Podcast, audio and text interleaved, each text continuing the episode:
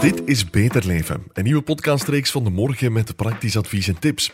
We praten met mensen die ons helpen om meer uit het leven of onze carrière te halen. In de eerste reeks van vijf afleveringen focussen we elke dinsdag op energie.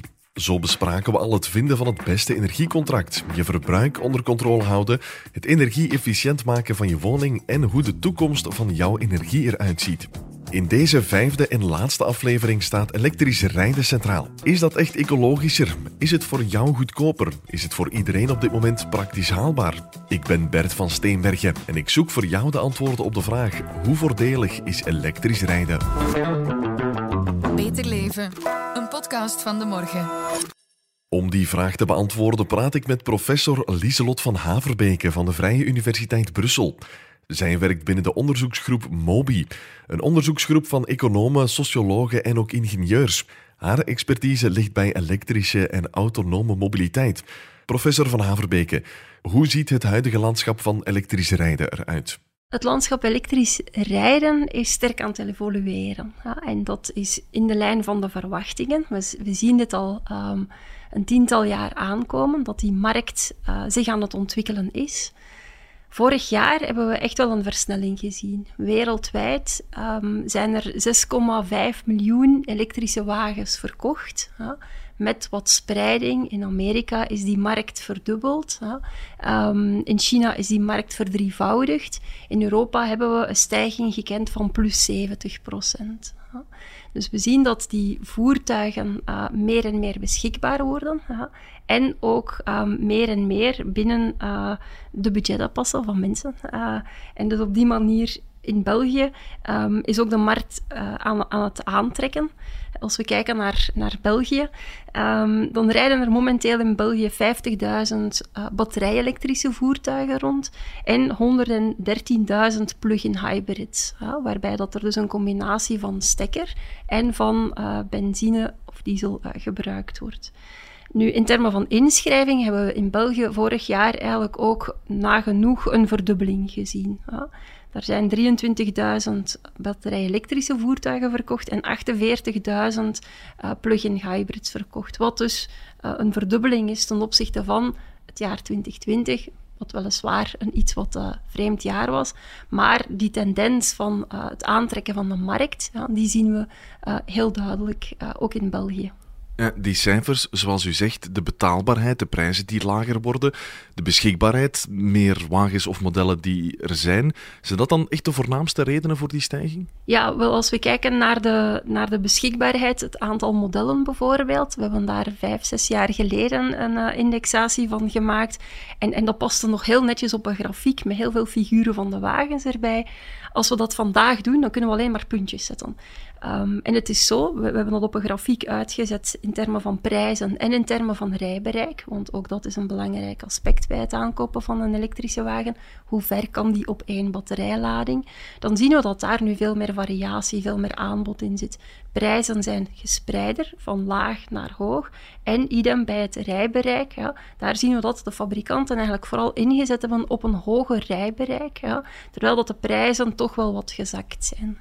Het is wat de grote vraag. Maar is elektrisch rijden echt zoveel beter voor het klimaat? Elektrisch rijden, als je het uh, bekijkt vanuit het standpunt van uh, klimaatopwarming, um, wel dan, dan, dan, kijken we vooral naar CO2 uh, bijvoorbeeld. En um, als we benzine vergelijken en diesel vergelijken met elektrisch, ja, dan, dan moeten we vaststellen dat over een volledige levenscyclus. Dat is de manier waarop dat wij zo'n analyses doen. En dat gaat dan van het, het, delven van de mineralen, ja, uh, de productie, uh, transport van de voertuigen, maar ook het gebruik van het voertuig zelf ja, en het recycleren van het voertuig. Um, dan, dan zien we dat voor, voor benzine, diesel, dat we daar waarden bekomen die, die meer dan 200 uh, gram CO2-equivalent per kilometer zijn voor benzine, diesel.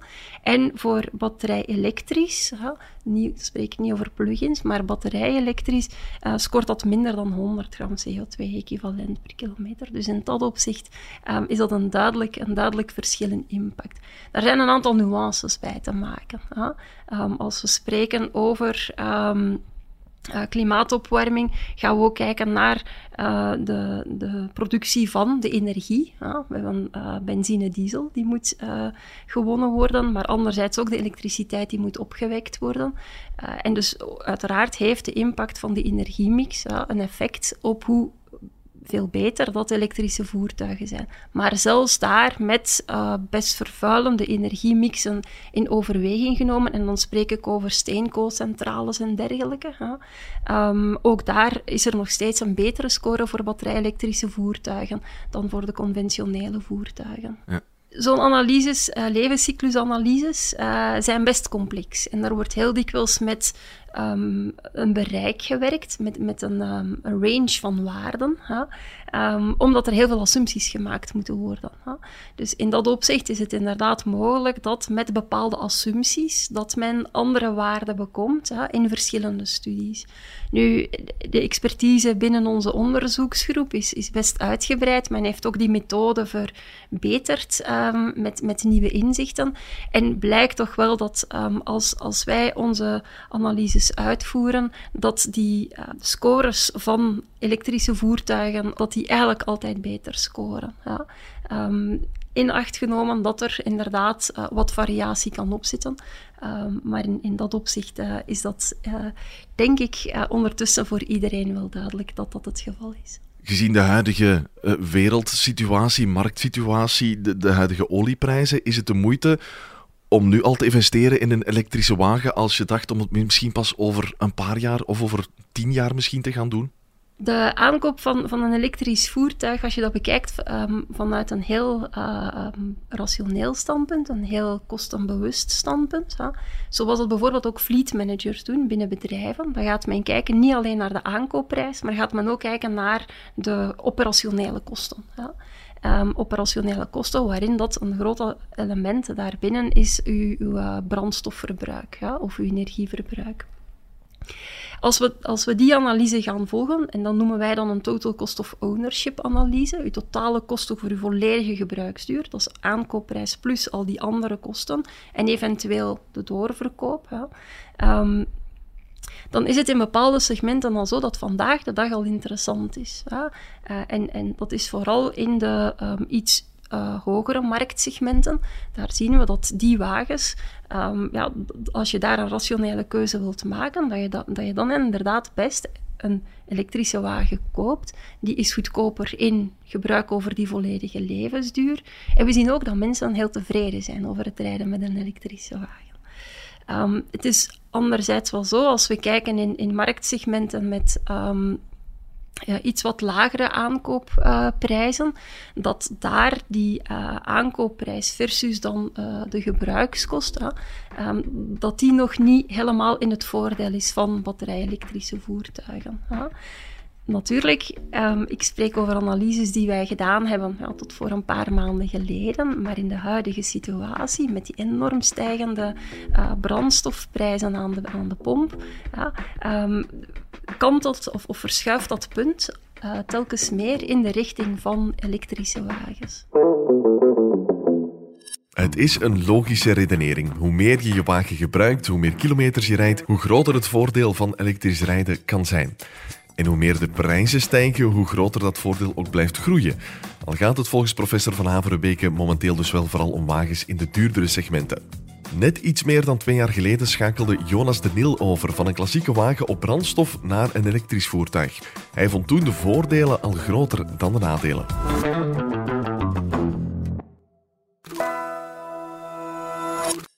Mijn toenmalige auto had uh, een, een, lek aan koelvloeistof, uh, weet ik veel. Een auto daarvoor had ik een probleem met, met een turbo en zo, waardoor ik zoiets had van... Oké, okay, deze kost mij veel te veel. En twee, er gaan de hele tijd dingen kapot. En ik hoorde dat bij elektrische auto's dan niet het geval was. Want die motor zo klein is en je hebt veel minder bewegende delen. Dus ik had zoiets van, oké, okay, misschien is dat wel iets interessant. En hoe snel is het dan gegaan? Dat is relatief snel gegaan. Ehm, ja, het, het, verkopen van mijn auto en zo, dat duurde wel even. Maar ehm, ik heb de beslissing gemaakt. Ik denk dat ik erover aan het nadenken was in augustus en ik heb de beslissing gemaakt ergens in oktober. Ik heb bestelling geplaatst, heeft er nog wel even geduurd. Iedereen wou toen een auto, want 2019 kreeg je nog die uh, eh, 2000 euro terug van de staat. Dus um, het was even stormloop. maar het is vrij snel gegaan, ja. Weet je nog in die periode waar je over twijfelde? Of welke zaken je net helemaal overtuigde om ervoor te gaan? De prijs, enerzijds de aankoopprijs, maar ik weet een hele belangrijke was, oké, ik, ik wil nog altijd gaan en staan waar ik wil, dus ik wil niet te hard aan die range vasthangen. De infrastructuur stond twee jaar geleden nog niet zo ver als ze nu staat. En ik, deed wel af en toe eens een roadtripje ergens naartoe. Um, en mijn huidige auto ging dat, um, mijn toenmalige auto ging dat perfect. Um, maar dus die range, ik vond dat een belangrijke. En uiteindelijk ben ik voor Tesla gegaan, omdat ik zoiets had van, die hebben momenteel de infrastructuur met hun superchargers. Uh, en daarop kan ik vertrouwen of zo. als ik voor eender welke andere leverancier zou kunnen gaan of dat was toen nog niet zo makkelijk. Vooral het snel laden eigenlijk. Niet iedereen kan een, een wall charger of, of weet ik veel, een laadpaal zetten bij hem thuis. Toen woonde ik in een appartement en moest ik dat doen met een, een elektriciteitsdraad, alleen een verlengkabel van 30 meter, die over het terras liep naar beneden en gewoon in 22 volt stak. En dat laadde veel trager, maar uiteindelijk heb ik het wel geregeld. Dus je moet zo dat, dat is niet altijd even makkelijk en dat zijn wel zo zaken die dat je moet overwegen als je, als je aan, het, aan het kijken bent aan een elektrische wagen. Misschien, misschien nog iets. Ik heb gemerkt dat mijn banden veel sneller verslijten um, door elektrisch te rijden. Ik heb een Tesla Model 3 nu, die heeft achterwielaandrijving. En het ding met een elektrische auto is dat je al je koppel of al je kracht van in het begin hebt. Dus als je duwt op je accelerator, want een gaspedaal is het niet, hè, um, dan heb je al je kracht. En ik heb gemerkt dat na een jaar of zo moest ik nieuwe achterbanden zetten. Wat 300 euro was.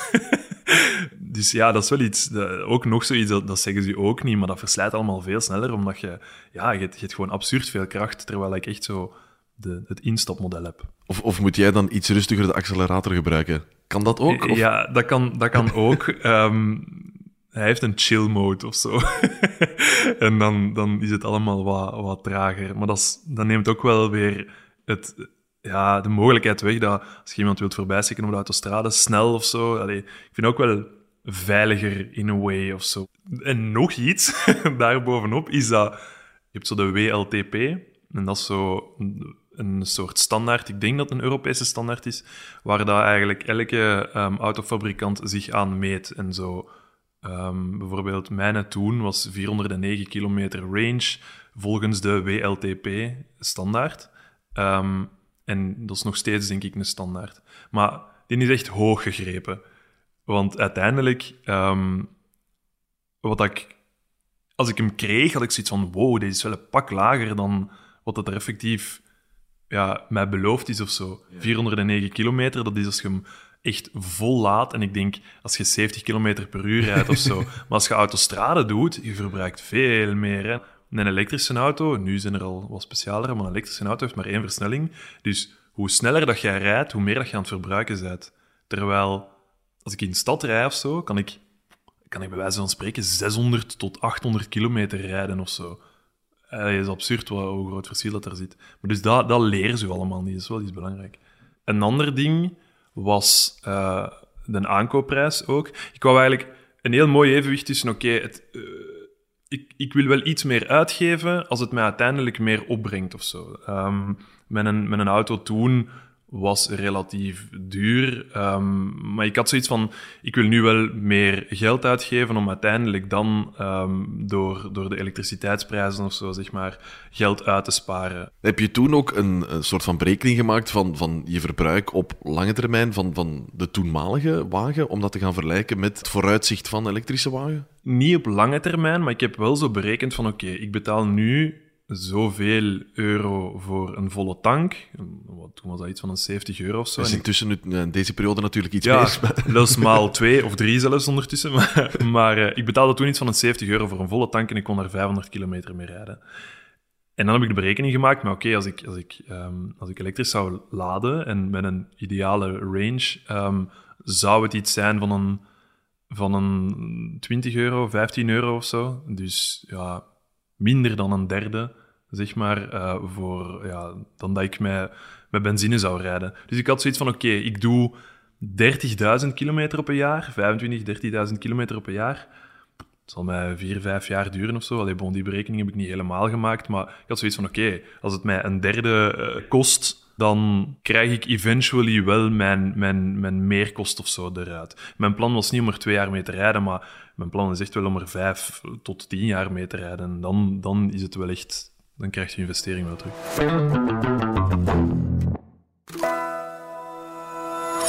Veel praktische informatie die een sterk verschil kan maken in je beslissing, al is de situatie nu ook helemaal anders dan twee jaar geleden. De markt evolueert en de laadinfrastructuur volgt zegt ook professor Van Haverbeke van de Vrije Universiteit Brussel. We zien dat die evolutie um, in termen van, van wagens vorig jaar, dus die verdubbeling op de markt, eigenlijk zien we analoge evoluties in de laadinfrastructuur. Ja. Ondertussen in Vlaanderen zijn er 5200 publieke uh, laadpalen, um, naast 183 snelladers en 64 ultrasnelladers. Dus ook langs de um, autostrades kun je eigenlijk makkelijk gaan bijladen. Uh, in Brussel uh, duizend openbare laadpunten. Um, wat, wat inderdaad een rol speelt, is dat um, deze publieke laadinfrastructuur wordt aangevuld met semi-publieke supermarkten. Uh, heel veel supermarkten bieden ondertussen op hun parking de mogelijkheid aan om te bij te laden. Um, evengoed in, in andere uh, commerciële um, organisaties die, die op die manier eigenlijk een beetje extra klanten trachten aan te trekken. Um, maar evengoed de, de privé-laadpunten. Ja. En als je dan zelf niet over een uh, privé-laadpunt kunt beschikken op een eigen uh, parkeerplek of in een eigen garage, dan is er wel steeds de mogelijkheid om via een systeem paalvolgtwagen om zo'n laadpaal aan te vragen. Zij gaan dan onderzoeken of dat het inderdaad zo is dat in de heel dichte omgeving, of dat daar een publiek laadpunt nodig zou zijn of nuttig zou zijn. Verdergaand op het gebruik van laadpalen voor wie dat er nog nooit gebruikt heeft of ook nog niet echt grondig heeft nagedacht over elektrisch rijden, schrikt dat op een bepaalde manier misschien ook wel, wel af. Hoe werkt dat, die laadpalen? Hoe veilig is dat allemaal? in termen van, van um, veiligheid, om daarmee te beginnen, uh, hoeven we ons daar eigenlijk geen zorgen over te maken. Uh, in, uh, heel onlangs is er een studie gepubliceerd door de Amerikaanse um, waakhond over veiligheid. En, en, die hebben dat heel nauwgezet um, in kaart gebracht. En eigenlijk het risico op problemen is, is, is heel beperkt. Veel kleiner eigenlijk dan met brandstofvoertuigen. alleen, het is wel zo dat als er dan een incident is, komt dat uh, heel uitgebreid aan bod in de pers. Ja. Maar, maar in, in dat opzicht eigenlijk geen, geen problemen. Het is wel zo dat laadinfrastructuur op een correcte manier moet gebruikt worden, uiteraard, want dat is met alle apparaten. Is dat moeilijk? Nee. Dat is een kwestie van, van dat even gedemonstreerd te zien bij het aankopen van de wagen bijvoorbeeld. Het komt neer op het inpluggen van een, een stopcontact, dan wel thuis aan een specifieke laadinfra en dan, en dan in de wagen zelf je kabel aansluiten. Maar dat gebeurt allemaal op een, uh, op een heel makkelijke, gebruiksvriendelijke manier. Ja. Dus de huidige situatie van laadpalen is op zich vrij goed, met alle cijfers die, die u noemde. Wat is volgens u de beste situatie ook naar de toekomst? Dat, dat nog meer bedrijven die semi-publieke punten gaan organiseren? Dat er vanuit de overheid nog meer openbare uh, publieke laadpalen komen? Laadinfrastructuur? Wat is volgens u de, beste situatie? We zien dat um, laadinfrastructuur momenteel, dat, dat daar inderdaad sterk wordt ingezet op die semi-publieke laadinfrastructuur. Ja. Um, ik wil wel graag aangeven, wij gaan altijd uit van een right to plug. Ja, zodat iedereen het recht geeft op, om, om in te pluggen, ongeacht de eigen situatie op vlak van wonen. Um, nu, semi-publieke infrastructuur heeft het voordeel dat als er bijvoorbeeld een, um, een, een, parkeerterrein van een bedrijf in de nabijheid is, uh, dat bedrijf beschikt bijvoorbeeld over zonnepanelen, ja, dan kan er op een heel makkelijke manier de koppeling gelegd worden tussen die zonnepanelen en die laadinfrastructuur, wat het opnieuw interessanter maakt in termen van impact. Ja. Dus in dat opzicht is, is dat absoluut een manier om, um, om, om verder uh, te kijken naar die evolutie. Maar het is ook wel zo dat overheden een, de rol moeten spelen om dat te coördineren en om te zorgen dat iedereen toegang heeft tot die laadinfra. Absoluut. En dus als er nood is aan infrastructuur op wat dan in het Engels uh, charging deserts genoemd wordt, woestijn, uh, woestijnen op vlak van laadinfrastructuur, dan, dan uh, is het aan de overheid om daar die rol op te nemen. En dat zien we ook wel. Hè. Dat, dat gebeurt. in Brussel is men heel sterk bezig met dat uitrollen van die infra. En evengoed in Vlaanderen worden daar grote stappen voor uitgezet. Goed nieuws dus als je over elektrisch rijden twijfelt omwille van de laadinfrastructuur. Die is al sterk gegroeid en die zal in de toekomst alleen maar uitbreiden. In de afgelopen twee jaar had Jonas bijvoorbeeld geen ideale situatie om zijn elektrische wagen op te laden, al is zijn eigen situatie en dus ook de openbare laadinfrastructuur veranderd. Ja, ik zei daar juist van die laadsituatie thuis met die verlengkabel. Dat was geen ideale situatie. Mijn vriendin woonde um, in, toen in, in het centrum van Antwerpen en dat was wel, dat was wel wat moeilijker. Omdat in de buurt hadden maar één laadpaal, was heel vaak ingenomen. Um, ook heel vaak ingenomen door, door gewoon benzineauto's. Mensen hebben zo niet echt het uh, besef dat je daar niet mocht parkeren als je een benzineauto hebt. Ik kwam zo juist iets aan terwijl er een, een, een gewone benzineauto aan het parkeren was op zo'n plaats. Dus ik dacht, oké, yes, dit is mijn kans. Hè, ik kan die even opvoeden hier, want dat is wel nodig. Dus ik zeg zo, ja, je mag hier niet staan. Oeh, ik mag hier niet staan. Ik zeg, ja, nee, is voor elektrische auto's. Ja, ja, maar het is maar even. En ik zeg zo, nee, nee, nee, nee. Je moet hier echt niet staan. Ik ga ook niet parkeren op een, op een tankstation. Ondanks dat ik daar niet moet zijn. Dat is een beetje asociaal en die was, die was echt pist. Ik zeg, ja, kijk, je hebt de keuze. Ofwel laat ik je takelen, de volgende keer als je daar staat, ofwel maak er gewoon dat je weg bent. Zoek er ergens anders parking. Ik wil, ja, ik wil ook niet zo'n boeman zijn of zo, maar ik wil wel gewoon kunnen laden als er, als er een laadpaal is. En als er dan benzineauto's op geparkeerd zijn, is het gewoon heel asociaal en niet fijn. En bij hybride auto's is dat een groot verschil, want die hebben nog altijd wel een, een naftank en die kunnen wel in noodgevallen gewoon ergens naartoe. Maar als je volledig elektrisch rijdt, ja, dan, dan, is dat, dan is dat ambetant. Want dat is zoiets wat ik af en toe krijg. Hoe? Die rijdt volledig elektrisch. Nog steeds zijn na twee jaar mensen snappen niet dat dat volledig elektrisch is en dat dat 300, 400 kilometer rijdt. En hoe ziet jouw laadsituatie er nu thuis uit? Niet zoveel verschillend als toen. um, ik woon nu op een, in een huis, een rijhuis. Um, met, een, met een voortuintje. Maar geen oprit of garage? Geen oprit of garage. Wat het dan weer al moeilijker maakt. Exact. En ook um, niet altijd plaats voor de deur. Um, er parkeren andere mensen en zo. Maar bon, mijn, mijn verlengkabel helpt mij wel uit. ik, heb, ik heb het geluk dat hem 30 meter lang is, dus ik kan, hem, ik kan hem zo op de stoep laten lopen en daar dan mijn lader in steken. Het grote nadeel is dat, dat dat traag laat. Dat laat 20 km per uur. Dus ja, stel je voor, je hebt 300 kilometer range. Je laat altijd wel maar tussen de 20 en de 90 procent of zo. Dus dat is nooit 300 kilometer dat je moet laden. Maar als je echt hem, hem redelijk laag laat zakken, kan het wel zijn dat je een auto 14 uur moet insteken om op te laden. En je verbruikt evenveel als twee ovens tegelijk of zo opzetten. Dat is iets van een 3400 watt, als dat mensen iets zegt. Die kabel wordt warm. Je moet ook echt zien dat die kabel niet opgerold is of je plon springt. Je moet er wel een beetje mee bezig zijn of zo. Maar dus ja, thuis laden lukt. Uh, ik kan 350 kilometer rijden, dus op zich raak ik wel overal. Er zijn superchargers overal rond Antwerpen. Um, eigenlijk, er zijn er een stuk of tien in België. Ik kan tot Amsterdam rijden zonder te laden en dan nog kom ik vier superchargers tegen, bij wijze van spreken. Dus range anxiety is een ding, maar ook niet overdrijven.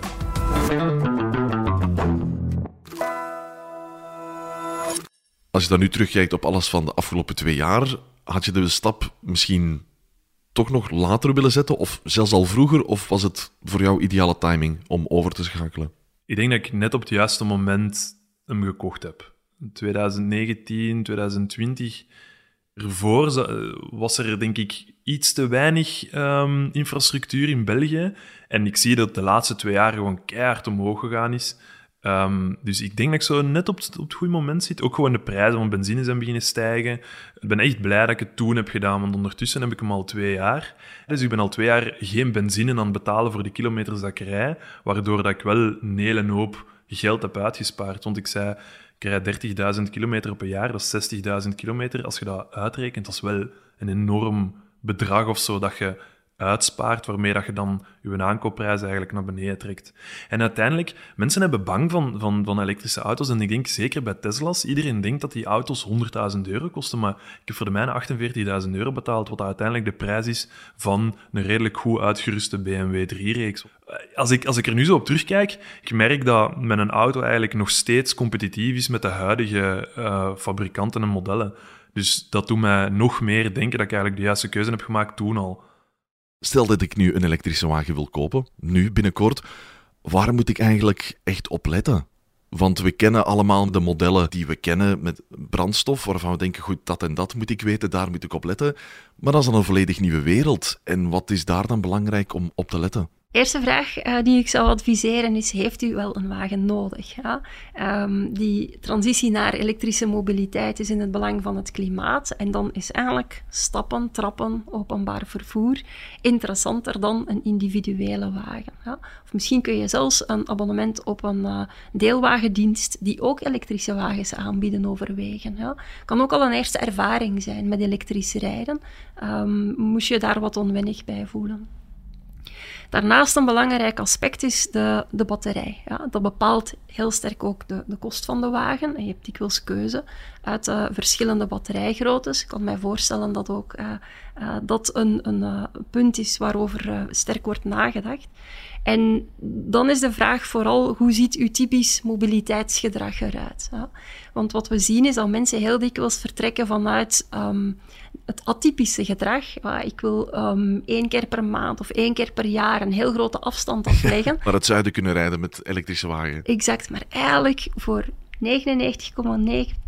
van de tijd volstaat een, bepaalde, een bepaald rijbereik. Ja. En zeker met uh, de stijging in um, voorziene punten qua laadinfrastructuur, hoeft het dan niet zozeer een probleem te zijn. Ja. Dus in dat opzicht zou ik adviseren, denk eens heel goed na over het dagelijks gebruik of, of het wekelijks gebruik van die wagen, um, eerder dan naar die uitzonderingssituaties te gaan. Hoe voordelig is elektrisch rijden? Het antwoord op die vraag hangt af van onder andere je mobiliteitsgedrag, de gewone afstand die je dagelijks of wekelijks aflegt. Dat bepaalt al snel het segment van elektrische wagens die ideaal zijn voor jou. De hogere segmenten hebben vanaf 15.000 km per jaar al een duidelijk voordeel bij elektrisch rijden. Een voordeel dat met de evolutie van de brandstofprijzen mogelijk nog groter wordt in de toekomst. Thuisladen is niet voor iedereen makkelijk en het kan soms een traag proces zijn. Maar de openbare laadinfrastructuur is de voorbije twee jaar sterk gegroeid en zal nog blijven groeien in de toekomst. Een evolutie die elektrisch rijden voor iedereen makkelijker en voordeliger kan maken. Bedankt voor het luisteren naar deze vijfdelige reeks van Beter Leven over energie. Wil je graag nog informatie en inspiratie om meer uit het leven of je carrière te halen? Schrijf je dan in voor de nieuwsbrief met Beter Leven artikels op de morgen.be slash beterleven. Dit was Beter Leven, een podcast van de morgen.